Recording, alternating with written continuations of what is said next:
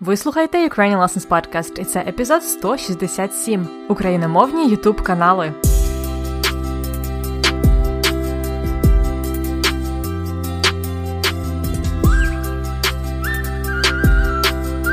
Привіт-привіт! Це Анна і ще один епізод Ukrainian Lessons Podcast.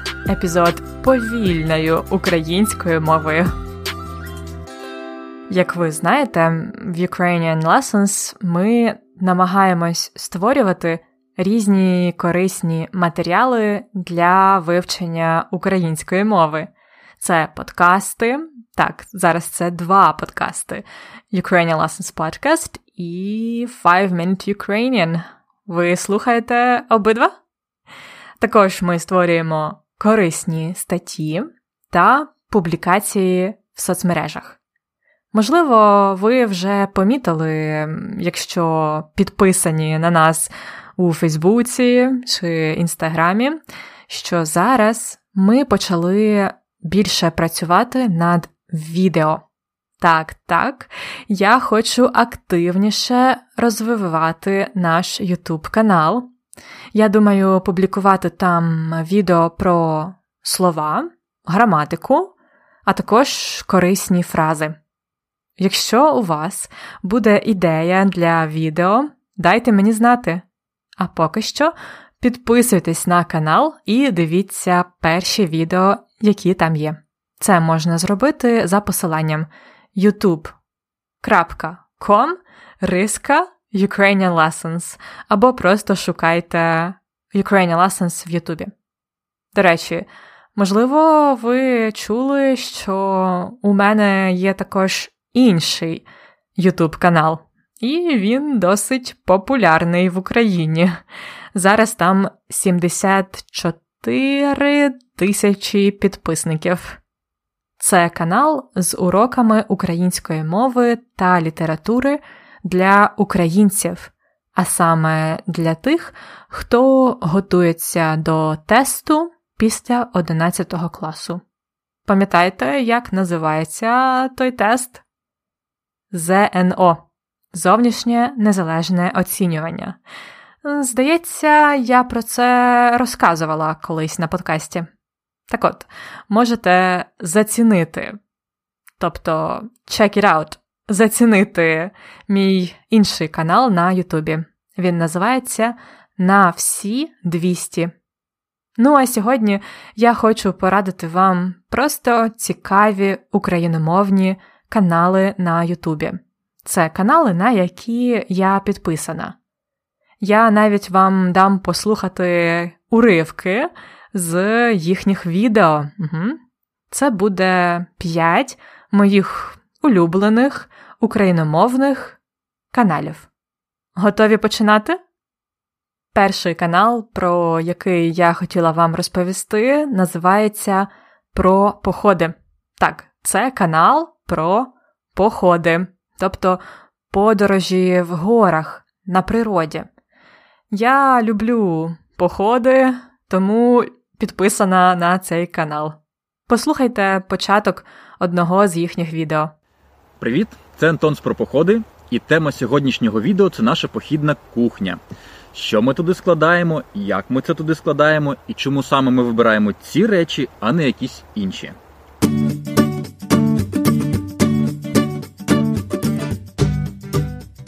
Отже, це відео про похідну кухню. Похідна кухня це речі, які ви можете брати з собою в похід для приготування їжі. До речі, якщо ви любите походи, в четвертому сезоні я записувала епізод про те, як підготуватися в похід в Карпати. Там багато корисних слів про походи. Це четвертий сезон, епізод 123. Отже, на YouTube каналі про походи ви можете дізнатись про цікаві маршрути Карпатами, а також про спорядження для походів. Спорядження для походів це намети, спальники, рюкзаки і так далі. І так, цей канал повністю україномовний. Причому українська мова там дуже гарна, це не суржик. Наступний канал, який я вам пораджу, називається Geek Journal англійською. Ведучого каналу звати Тайлер Андерсон. І він в такій дуже класній, сучасній формі розповідає про нові фільми та серіали. Причому переважно це саме українські фільми та серіали. Ось послухайте. Привіт, мої улюблені людини. Мене звати Тайлер Андерсон. і Я був просто в захваті від першої серії перших ластівок. Хороша гра акторів, гра зі світлом, шикарнючий сюжетний гачок наприкінці серії. Та що там? Ми навіть відео окремо запиляли на нашу Це він розповідає про свої враження від українського серіалу Перші ластівки. До речі, фішка Тайлера починати свої відео словами. Привіт, мої улюблені людини. Тобто, взагалі, це неправильно казати людини, бо множина від слова людина буде люди. Але це його фішка, тобто його особливість. Взагалі, на каналі Geek Journal ви можете почути дуже класну, таку сучасну українську мову. Знову ж таки, жодного суржику, але там є сленг, молодіжна мова, така, яку ми її використовуємо. Коротше, як кажуть, респект. І ще одною фішкою каналу Geek Journal є те, що там є відео не тільки про хороші фільми українською, а і про погані фільми та серіали. Тайлер дуже весело їх критикує. Це справді дуже смішно. Рекомендую вам зацінити Geek Journal. А далі третій канал. Відео цього каналу я вже неодноразово згадувала на подкасті. Пам'ятаєте четвертий сезон епізоди про відомих українців? Так от, на каналі Книга Мандрівка є багато коротких і цікавих мультиків на цю тему. Ось, наприклад, відео про Івана Франка.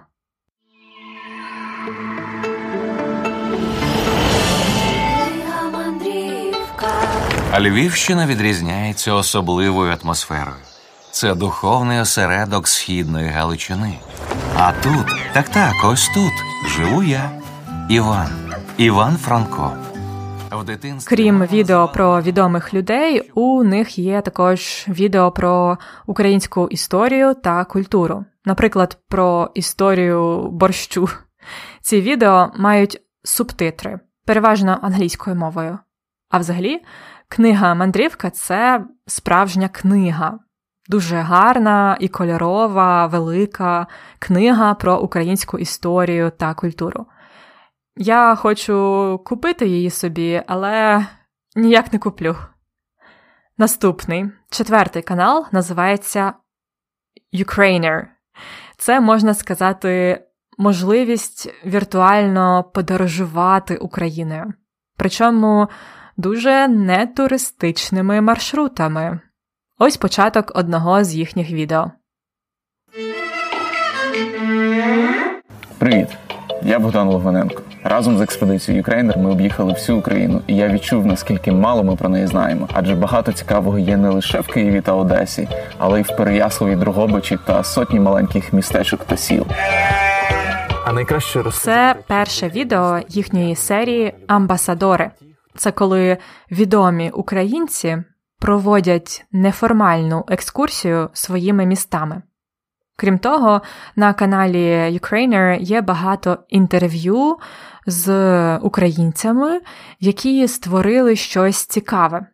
Багато їхніх відео мають субтитри різними мовами, зокрема українською. І, звичайно, рекомендую їхній повнометражний фільм, який теж є на Ютубі Ukrainer. Ну, а останній Ютуб канал це, напевно, мій улюблений канал. На мою думку, це взагалі найкращий канал для вашої практики української мови. По-перше, бо всі їхні відео мають українські субтитри. По-друге, ведучі там говорять дуже такою зрозумілою і гарною українською мовою. Інколи трошки швидко, але є субтитри. А по-третє, з цим каналом ви завжди будете в курсі новин з України. Це канал Телебачення Торонто. Слава Ісу! Ви дивитесь програму Грати песик дужка гривня знак питання долар нуль. Я її ведучий Майкл Щур. В'йо до новин. Сенсаційне! Дизель шоу дивиться 95-й квартал. Так, я знаю, якщо ви перший раз чуєте ці слова, то ви, мабуть, такі Анно, що це було? Ну, це просто така назва програми у них, така оригінальна. Грати песик, дужка, гривня, знак питання, долар нуль. Це назва програми. Її ведучий Майкл Щур зазвичай починає програму вітанням Слава Ісу. Тобто Слава Ісусу Христу. Це таке традиційне привітання серед релігійних людей. Хоча тут це, мабуть, просто жарт. А в'йо до новин означає почнімо новини. Грати песик, дужка, гривня, знак питання долар нуль це тижнева програма на Ютуб каналі Телебачення Торонто. Це новини, але можна сказати, іронічні новини. Хоча. Насправді, як на мене, вони показують набагато більше, ніж звичайне телебачення. Вони часто говорять про корупцію або про якісь речі, про які не говорять по телевізору. Крім того, вони розказують багато про найновіші тренди в інтернеті, зокрема, а також про поп-культуру. Загалом, відколи я живу за кордоном, я часто дивлюся цей канал, щоб бути в курсі новин з України.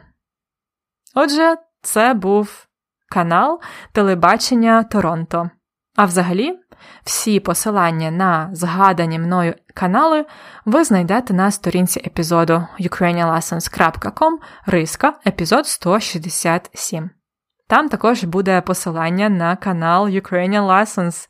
Обов'язково підписуйтесь.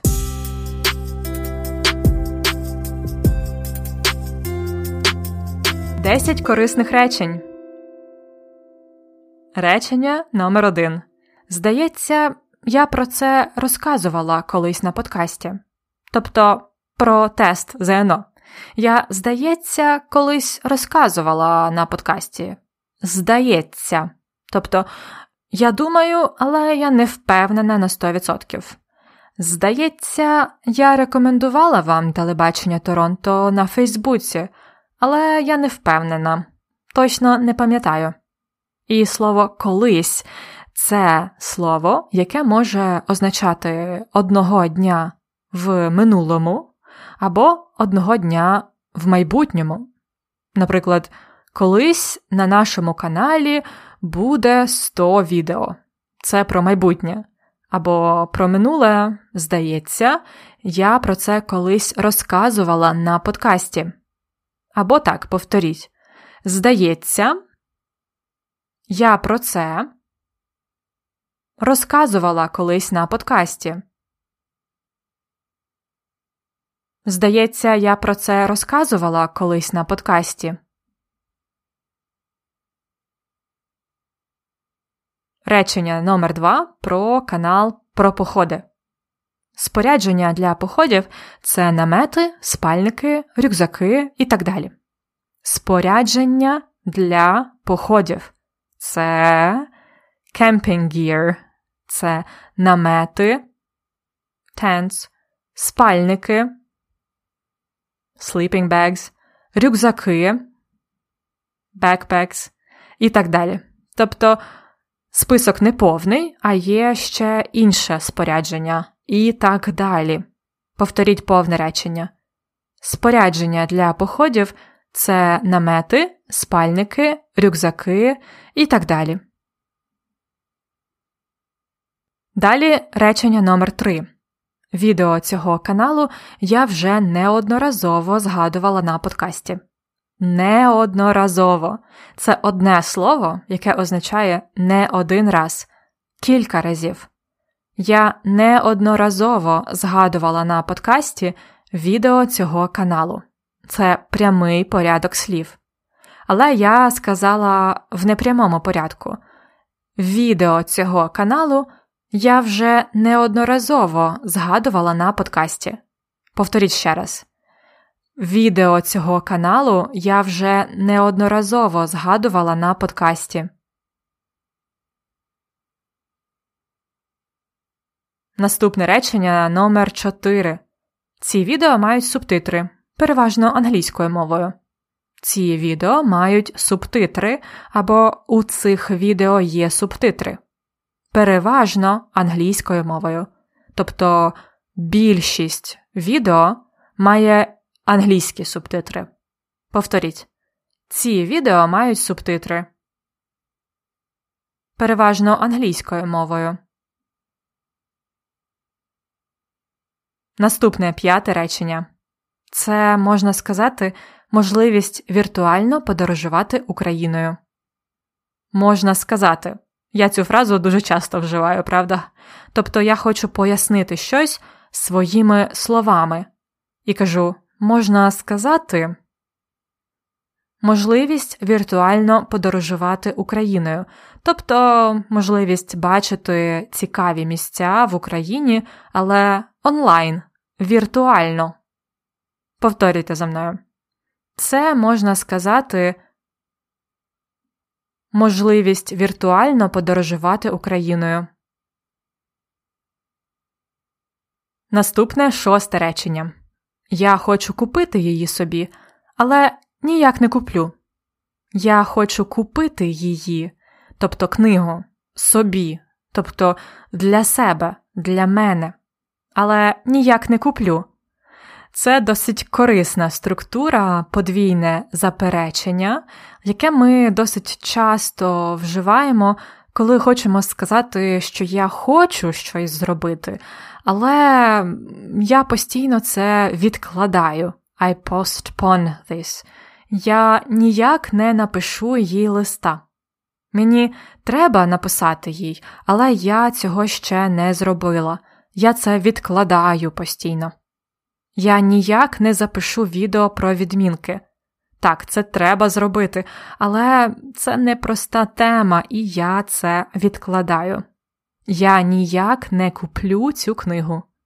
Ніяк плюс не плюс дієслово в майбутньому часі доконаного виду. Куплю. Повторіть ще раз. Я хочу купити її собі.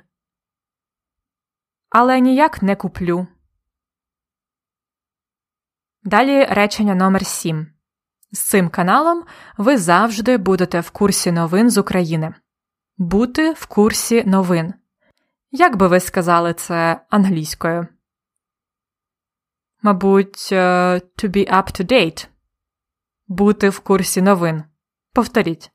З цим каналом ви завжди будете в курсі новин з України. Речення номер 8. Коротке питання. Що це було? Це здивування, сюрприз. Тобто ви не розумієте, що сталося? Що це була за незрозуміла мова, наприклад, у відео?